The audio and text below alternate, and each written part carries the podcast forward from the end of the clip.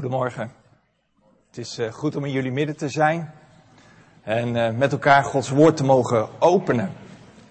Het is heerlijk om Gods woord te mogen hebben. Het is het meest kostbare, omdat de Heer door zijn woord tot ons spreekt. En daarom is het goed om Gods woord keer op keer te openen, te lezen, te overdenken en tot je hart te laten spreken. En ik hoop dat we dat vanochtend ook uh, op die manier naar de gemeente zijn gekomen. Niet van, ja, we moeten hier weer een, eh, een, nou, een anderhalf uur zitten en uh, daarna is het weer voor een week afgelopen, maar dat we hier met een verlangend hart zijn gekomen. Een ontmoeting met de Heer te hebben door zijn woord heen. Voordat we met elkaar Gods woord openen, laten we nog een kort gebed uitspreken. Heren, we danken u dat we uw woord hebben, waarin u zichzelf openbaart.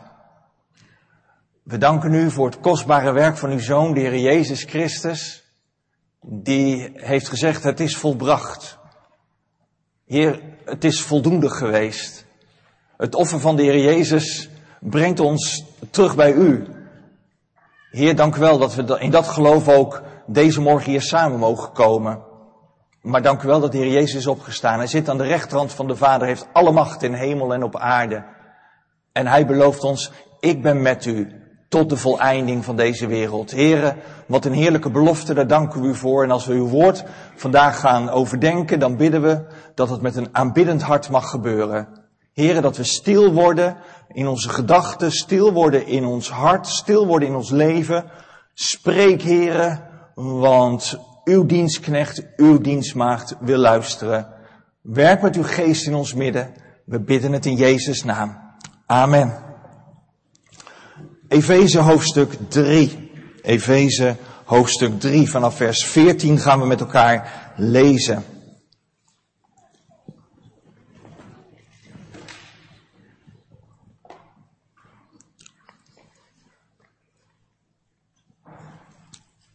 Het is een eh, gebed van Paulus. Eén lange zin. Het is best een, eh, een lastig gedeelte, omdat het één lange zin is zoals Paulus, nou, ik zou zeggen zo alleen Paulus kan schrijven. En we gaan eens kijken wat de Heer daardoorheen tot ons te zeggen heeft. Efeze hoofdstuk 3 vanaf vers 14. Paulus voorbeden om verdieping in het geloof. Om deze reden buig ik mijn knieën voor de Vader van onze Heer Jezus Christus, naar wie elk geslacht in de hemelen en op de aarde genoemd wordt opdat hij u geeft naar de rijkdom van zijn heerlijkheid, met kracht gesterkt te worden door zijn geest in de innerlijke mens, opdat Christus door het geloof in uw harten woont en u in de liefde geworteld en gefundeerd bent, opdat u ten volle zou kunnen begrijpen met alle heiligen wat de breedte en lengte en diepte en hoogte is, en u de liefde van Christus zou kennen, die de kennis te boven gaat, opdat u vervuld zou worden tot heel de volheid van God. Hem nu, die bij machten is te doen, ver boven alles wat wij bidden of denken, overeenkomstig de kracht die in ons werkzaam is. Hem, zij de heerlijkheid, in de gemeente, door Jezus Christus, in alle geslachten, tot in alle eeuwigheid. Amen. We gaan over twee dingen nadenken. Ik heb eigenlijk een twee punten preek vanochtend. Geen drie punten preek, maar een twee punten preek deze morgen. De eerste punt waar we met elkaar over gaan nadenken is aanbidding. Aanbidding. En we zien aanbidding terug in vers 14. Om deze reden buig ik mijn knieën. En het einde, 21. Hem zij de heerlijkheid in de gemeente door Christus Jezus in alle geslachten tot in alle eeuwigheid. Amen. Dat is een, hij sluit af met de aanbidding. Aanbidding tot de allerhoogste God door Jezus Christus. Nou, we gaan nadenken of we dat na kunnen zeggen. Of we Paulus na kunnen zeggen, vers 21, Hem zij alle heerlijkheid door Jezus Christus. Het tweede waar we over na gaan denken is, de aansturing heb ik dat genoemd. Waarom komt Hij tot die aanbidding? Wat is nu de reden voor zijn aanbidding. En dat vinden we in 19 en 20. En u die de liefde van Christus zou kennen, die de kennis te boven gaat, opdat u vervuld zou worden tot heel de volheid van God, hem nu die bij de macht is, te doen ver boven alles wat wij bidden of denken, overeenkomstig de kracht die in ons werkzaam is. Hier vinden we in 19 en 20, vinden we waarom Paulus uiteindelijk zegt in vers 21, hem zij de heerlijkheid. Dus in 19 en 20 vinden we de aansturing waarom hij komt tot aanbidding. Daar gaan we het tweede gedeelte over nadenken. We beginnen met aanbidding. Om deze reden buig ik mijn knieën. We zien in de Bijbel verschillende gebedshoudingen. Knielen is niet de enige gebedshouding. We zien mensen staan. Of staan met opgeven handen. We zien mensen zitten. We zien ook mensen in de Bijbel die liggen op de buik. Aanbidden van God. Aanbidden van de Heer Jezus Christus. Er zijn verschillende gebedshoudingen in de Bijbel te vinden, maar hier zien we Paulus uiteindelijk tot aanbidding komen en hij wil dat duidelijk maken en dat is wel het mooie van knielen. Door te knielen maak je je klein voor God. Dat is een mooie houding. Maar het is niet alleen de houding die klein moet worden, het is niet alleen de houding die zover moet komen, maar het zijn met name ook je, je gedachten. En je hart. Je hart moet klein worden, je gedachten moeten klein worden voor de Allerhoogste God, de Schepper van hemel en aarde. Dus knielen is niet voldoende, de houding is niet alleen voldoende, het gaat om de innerlijke houding. Je innerlijke houding is, Heere, ik ben klein omdat u groot bent en u wilt tot mij spreken en ik wil tot u spreken en ik maak mij voor u klein. Nou, Paulus was onder de indruk door de eerste hoofdstukken van Efeze, waardoor hij uiteindelijk zegt, ik maak me klein. Om deze redenen buig ik mijn knieën. Dan sla ik een heel stuk over. Prachtig gedeelte, maar ik laat heel stukken liggen nu. Maar in dat knielen komt hij uiteindelijk uit bij vers 21. Hem zij de heerlijkheid. Dat is het eerste wat hij dan zegt. Hem zij de heerlijkheid.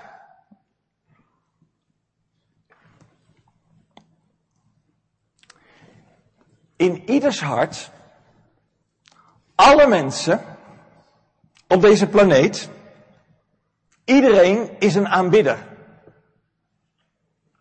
God heeft ons als aanbidders gemaakt. Ieder mens die je tegenkomt aanbidt iets. De een aanbidt zijn favoriete vlogger. De ander zijn sportheld. De ander een artiest. De ander materieel. Maar iedereen aanbidt iets. Iedereen heeft iets als zijn hoogste goed, als zijn hoogste doel staan.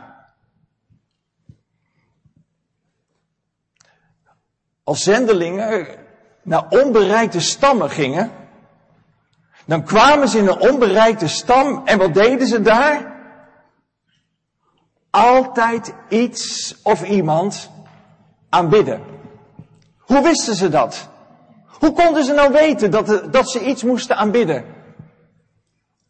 Omdat de mens een aanbidder is. Omdat God dat in de mens gelegd heeft. En Paulus is gaan begrijpen, hem zij de heerlijkheid. Het gaat om God. Hij, de schepper van hemel en aarde, heeft onze aanbidding, daar heeft hij ons voor gemaakt. Hij verlangt ernaar dat we hem aanbidden. Hij is het hoogste goed om te aanbidden. Waarom? Nou, omdat God is heerlijk.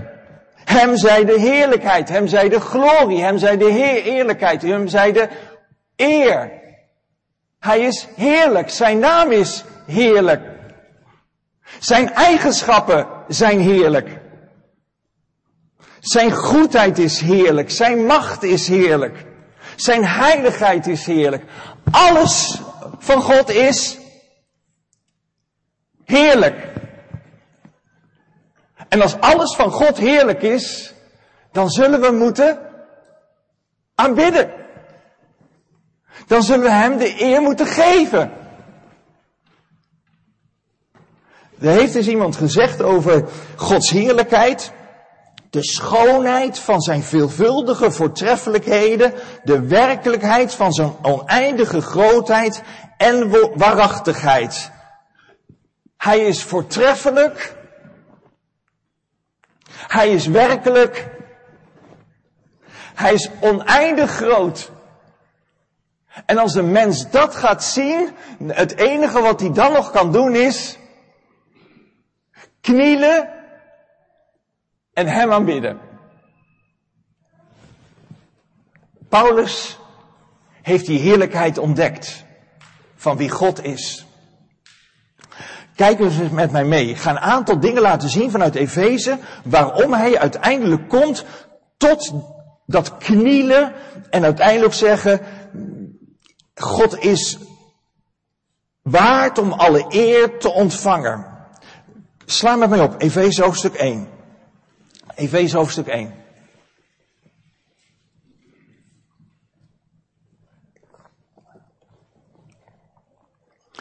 Hij begint in vers 3 te zeggen, daarom buig ik mijn knieën, daar zitten we hè.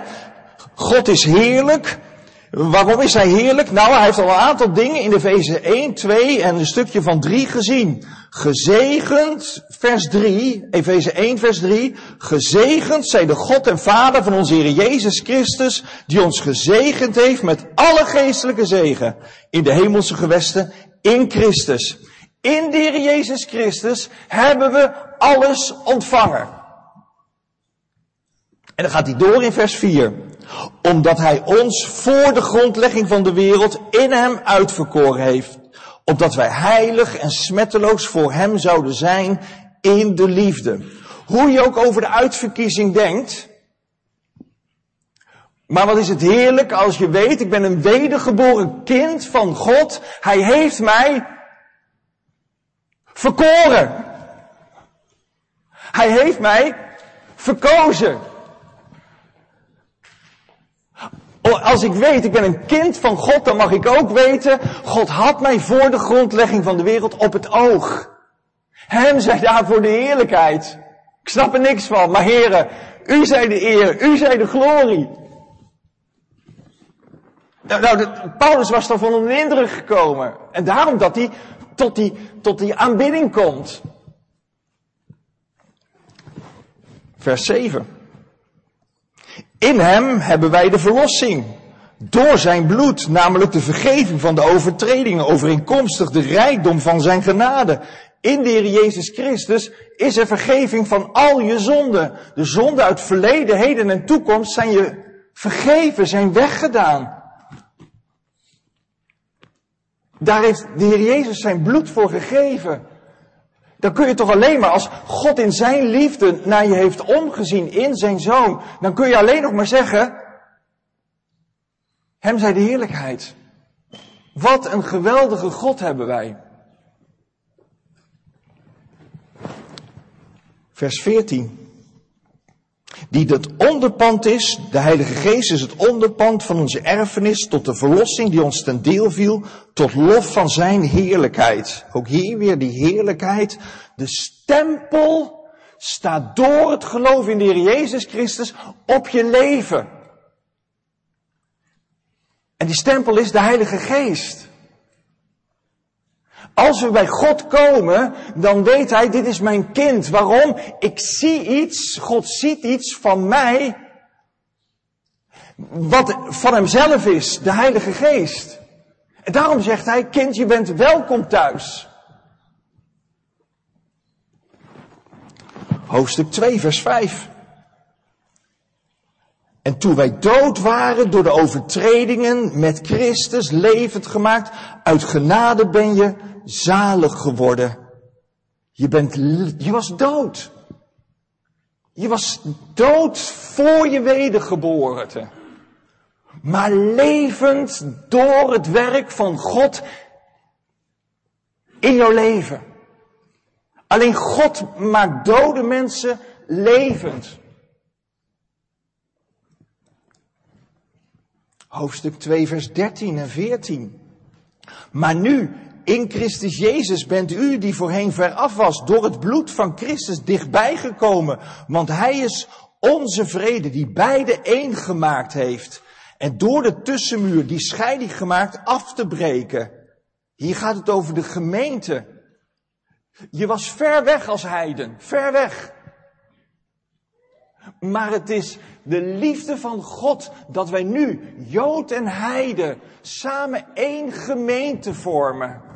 Dus tussen, de scheiding, de tussenmuur is weggehaald. En daarom, dat Paulus zegt, hem zij de heerlijkheid.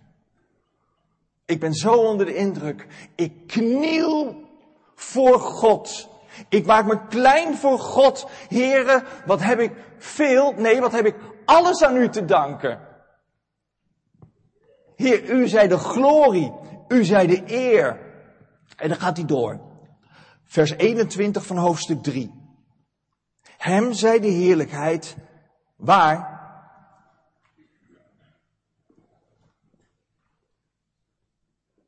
In de gemeente. Broeders, zusters, hem zijn de heerlijkheid hier. In de gemeente waar broeders en zusters samenkomen. De eer, glorie, de heerlijkheid moet zichtbaar worden. Waar? In de gemeente.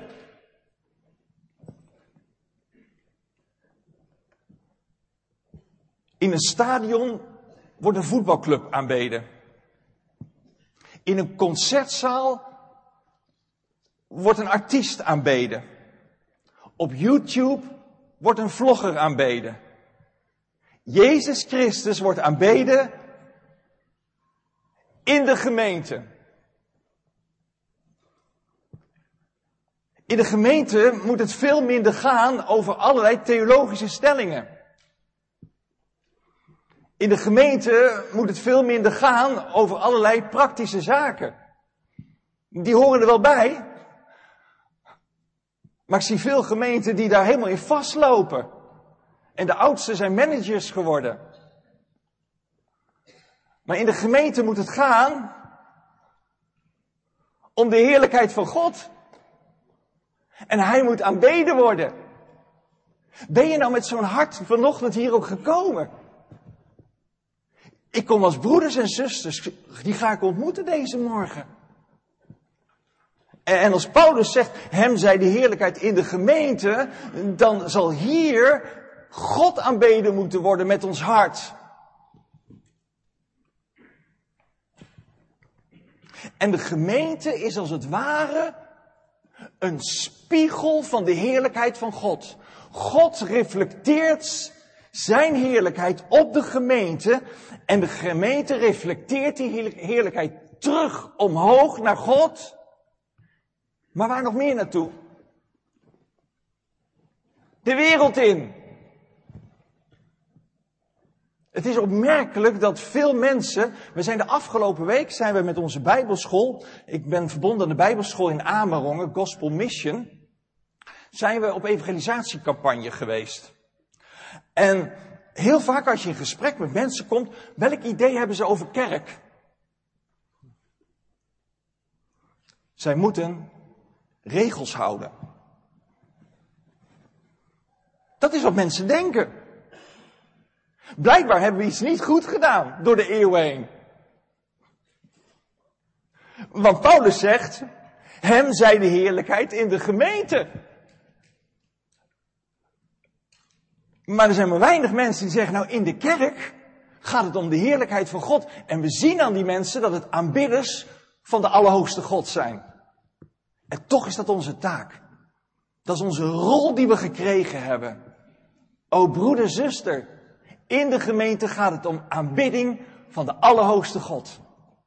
Hem zij de heerlijkheid in de gemeente. Door Jezus Christus. Want dat is het vervolg wat hij dan zegt. Hij zegt door Jezus Christus. Als een kerk een theater zou zijn, en daar pleit ik absoluut niet voor. Maar stel dat het een theater zou zijn. Op wie zou de spotlight moeten staan?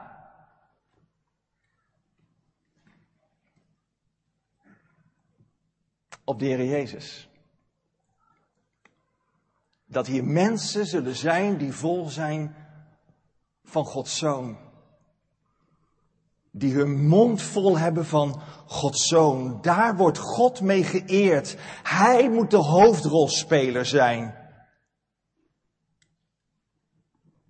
Eh, als, als God zijn zoon gegeven heeft, uiteindelijk komt er dan die stem uit de hemel. Dit is mijn geliefde zoon in wie ik een welbehagen heb. Een welbehagen heb. Dus je zou het zo kunnen zeggen, vers 21. Hem zij de heerlijkheid in de gemeente. Kom maar, in het theater. Kom maar, door de zoon, de hoofdrolspeler, Jezus Christus. Je zou de gemeente met een theater kunnen vergelijken, maar je zou de gemeente ook met een hospitaal kunnen vergelijken. Een ziekenhuis. En er is maar één arts. Er is maar één heelmeester. Er is maar één cardioloog in de gemeente. De Heer Jezus. En die cardioloog die maakt van een stenen hart een vleeshart. Dat is wat, wat de Heer Jezus doet. En daarom dat je dan ook kunt zeggen, hem zij de heerlijkheid in de gemeente, want het gaat om Jezus in de gemeente, hij wordt bestraald in de gemeente en hij maakt van dode mensen levende mensen. Hij is de heerlijke geneesheer. Misschien is het je opgevallen. Het kan je haast niet ontgaan zijn de afgelopen maand. Maar Diego Maradona is overleden. Het kan je haast niet ontgaan zijn, want het NOS vond het bijna nog belangrijker dan het coronavirus. Hoe je daar ook verder over denkt. Maar Diego Maradona is dood. En je, je ziet hoe leeg deze wereld is. Hoe waanzinnig deze wereld geworden is. Hoe goddeloos deze wereld geworden is. Zelfs dat een krant zegt, Diego Maradona is dood, daar stond een kop, God is dood. Hoe waanzinnig kunnen mensen worden? Maar er staat hier niet, hem zij de heerlijkheid in de gemeente door Diego Maradona in alle geslachten tot in alle eeuwigheid. Amen. Want nog eventjes, en we zijn hem alweer vergeten. Maar er staat hier, Jezus Christus in alle geslachten tot in alle eeuwigheid. Amen. Wie wordt door alle geslachten heen van jaar in, jaar uit, eeuw in, eeuw uit aanbeden. Jezus Christus. Tot wanneer? Tot in alle eeuwigheid. We zullen eens voor de troon staan. En we zullen ons buigen voor die troon. En God mens, Jezus Christus, in de hemel aanbidden. Heilig, heilig, heilig. Waardig is het lam. En we mogen hier op aarde ermee beginnen. Waar? In de gemeente. Maar het gaat door van eeuwigheid tot eeuwigheid. Het is, als je kijkt naar het sterrenstelsel, dan is daar de zon. En alles draait om de zon heen. En zo is het ook bij God. Alles draait om God. Niets gaat buiten God om. Alles draait om Hem. Het is zijn zoon die de zon van de gerechtigheid wordt genoemd. Het gaat om zijn Heer. Het gaat om zijn glorie. Het gaat om zijn eeuwigheid.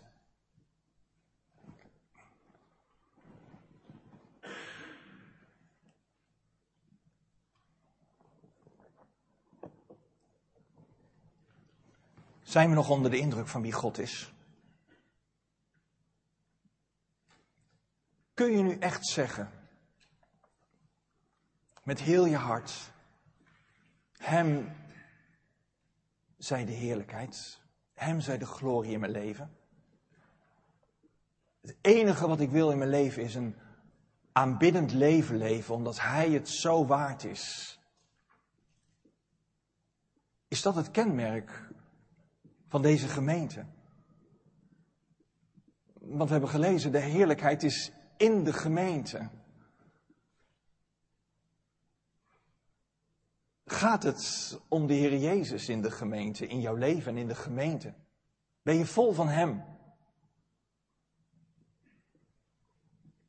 Want Gods werk heeft alles te maken met de gemeente. Van eeuwigheid tot eeuwigheid. Op de Pinkste dag is de gemeente ontstaan. En, daarna is die uitgebreid naar Judea, Samaria, tot het einde van de aarde. En alle eeuwen door heeft de gemeente bestaan. En zijn mensen toegevoegd aan de gemeente. En zijn mensen hebben in de gemeente een nieuw hart ontvangen. En is het Gods werk al 2000 jaar door de gemeente heen. En gaat het om dat de gemeente, ook in deze tijd, maar door alle eeuwen heen, de glorie van God weerspiegelt.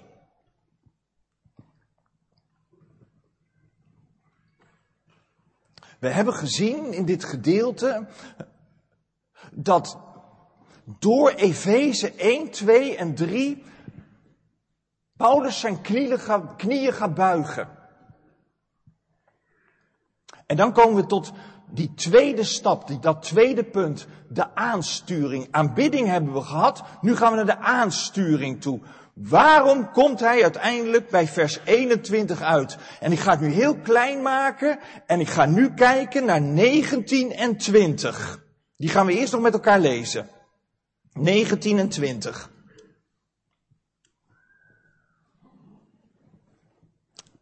En u de liefde van Christus zou kennen, die de kennis te boven gaat, opdat u vervuld zou worden tot heel de volheid van God. Hem nu, die bij macht is te doen ver boven alles wat wij bidden of denken, overeenkomstig de kracht die in ons werkzaam is. Hier staat het geheim in dit kleine stukje waarom hij uiteindelijk in vers 21 tot die, tot die uitspraak komt. Die aanbidding komt. Ik heb een aantal jaren geleden, ik denk dat het nu zo'n 15 jaar geleden is, had ik een behoorlijk oude auto. En ik reed ergens op een provinciale weg. En ik mocht 80 en opeens dacht ik, huh? Waar is mijn gaspedaal gebleven? Ik was hem kwijt. En ik merkte ook al um, dat, dat mijn auto ging langzamer rijden. En ik, ik zocht naar, die, naar mijn gaspedaal. Ik denk, en die lag gewoon plat op de bodem. Dus, nou, daar stond ik op de provinciale weg. Niet vooruit, niet achteruit meer. De aansturing was weg. Het gas was er vanaf. Dus er is altijd een aansturing, een aansporing nodig. Nou, wat is nu de aansturing, de aansporing die Paulus brengt tot vers 21. Dat moeten we vinden in het gedeelte daarvoor, in 19 en 20. Nou, ik hoop dat je dit gaat meemaken. Ik hoop dat je dit, dit pakt. Waarom kom je nu tot aanbidding? Waarom komt Paulus tot aanbidding? Waarom komt hij uiteindelijk tot die laatste zin? Twee redenen. Vers 19.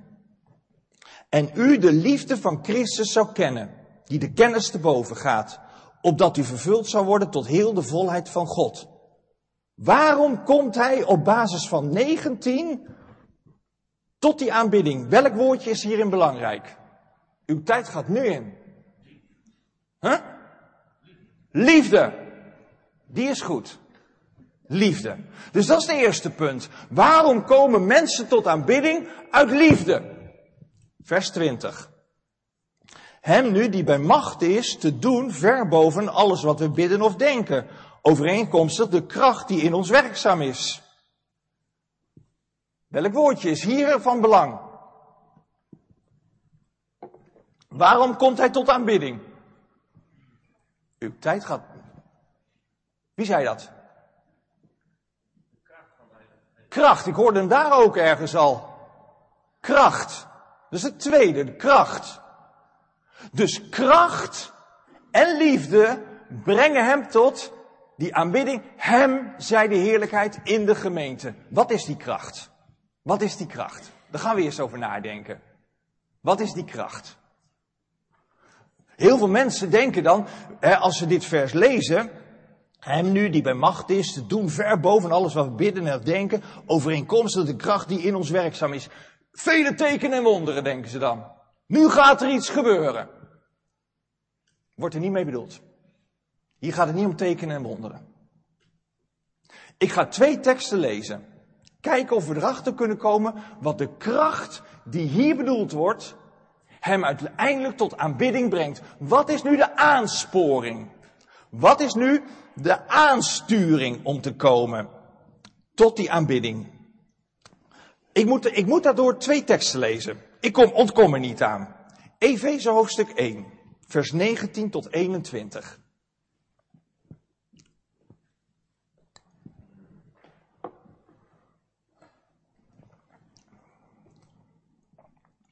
Efeze 1, vers 19 tot 21.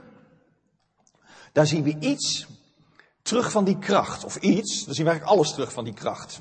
Vers 19. En wat de alles overtreffende grootheid van zijn kracht is, aan ons die geloven overeenkomstig de werking van de sterkte van zijn macht, die hij gewerkt heeft in Christus toen hij hem uit de doden opwekte en aan zijn rechterhand zette in de hemelse gewesten. Wat is die kracht? De Heer Jezus Christus is opgestaan. Het is opstandingskracht. Jezus Christus is opgestaan uit de dood. Daardoor is er leven en eeuwig leven. Is er zondevergeving en is er eeuwigheid. Maar hier gaat het nog over de Heer Jezus. Nu gaan we naar Romeinen hoofdstuk 8 toe, waar we ook iets zien van die opstandingskracht. Romeinen hoofdstuk 8, vers 11. Romeinen 8, vers 11.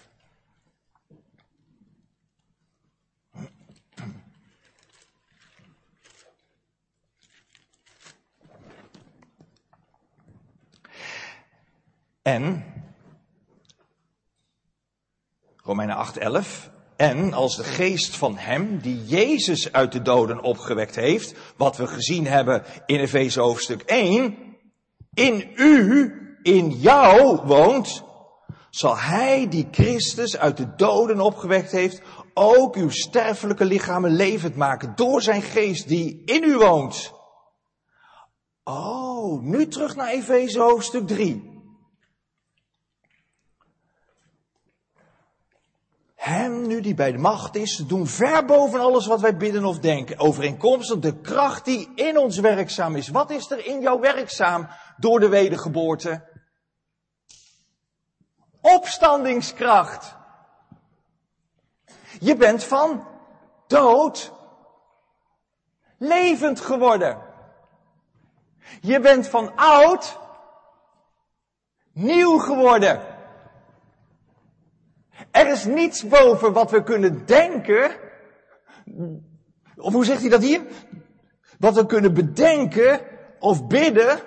Dat dood, dode mensen levend zijn geworden. Dat vleeselijke mensen geestelijke mensen zijn geworden. Dat een stenen hart een vleeshart is geworden. Dat is boven bidden of denken in je leven.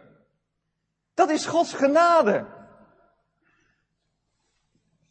Daarom dat hij gaat zeggen, hem zij de heerlijkheid. Ik ben gaan zien wat God in mijn leven gedaan heeft. En dat geeft aanbidding. Daarom dat aanbidding in de gemeente alleen maar kan met, ja, ik zeg het maar even scherp, wedergeboren christenen. Die zijn gaan inzien, ik was dood. Ik was bedekt onder de zonde. Er is niets goed in mijzelf. Maar God heeft in zijn genade naar mij omgezien. En dood is levend geworden. Hem zij de heerlijkheid. Ik heb de eeuwigheid nodig om God daarvoor te danken, te prijzen en te eren.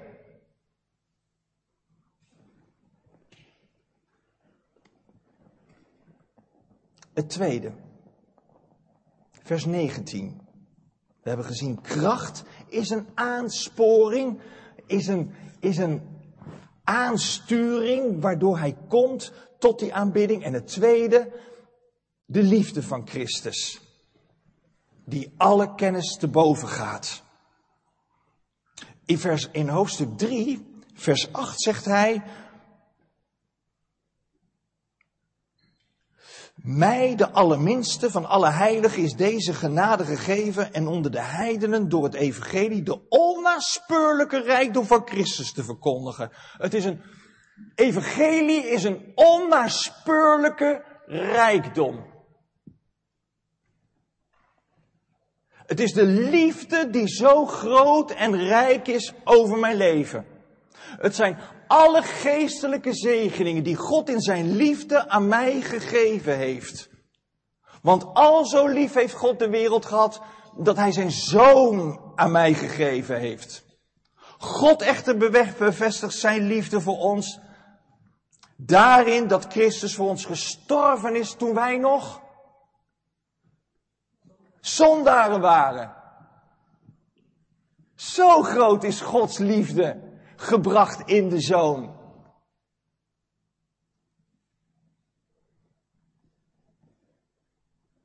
De opstandingskracht in jouw leven. En de liefde van God in de Heer Jezus Christus brengen jou, brengen de gemeente bij vers 21. Hem zij de heerlijkheid in de gemeente door Jezus Christus. In alle geslachten. Tot in alle eeuwigheid. Amen. Dat brengt een gemeente tot aanbidding. Kracht van God en liefde van God. Let goed op. Dan wordt zingen in een gemeente aanbidden. Dan wordt bidden in de gemeente aanbidden. Dan wordt prediking aanbidding. Dan wordt gemeenschap tussen broeders en zusters, ontmoeting tussen broeders en zusters op zondag of door de week, momenten van aanbidding.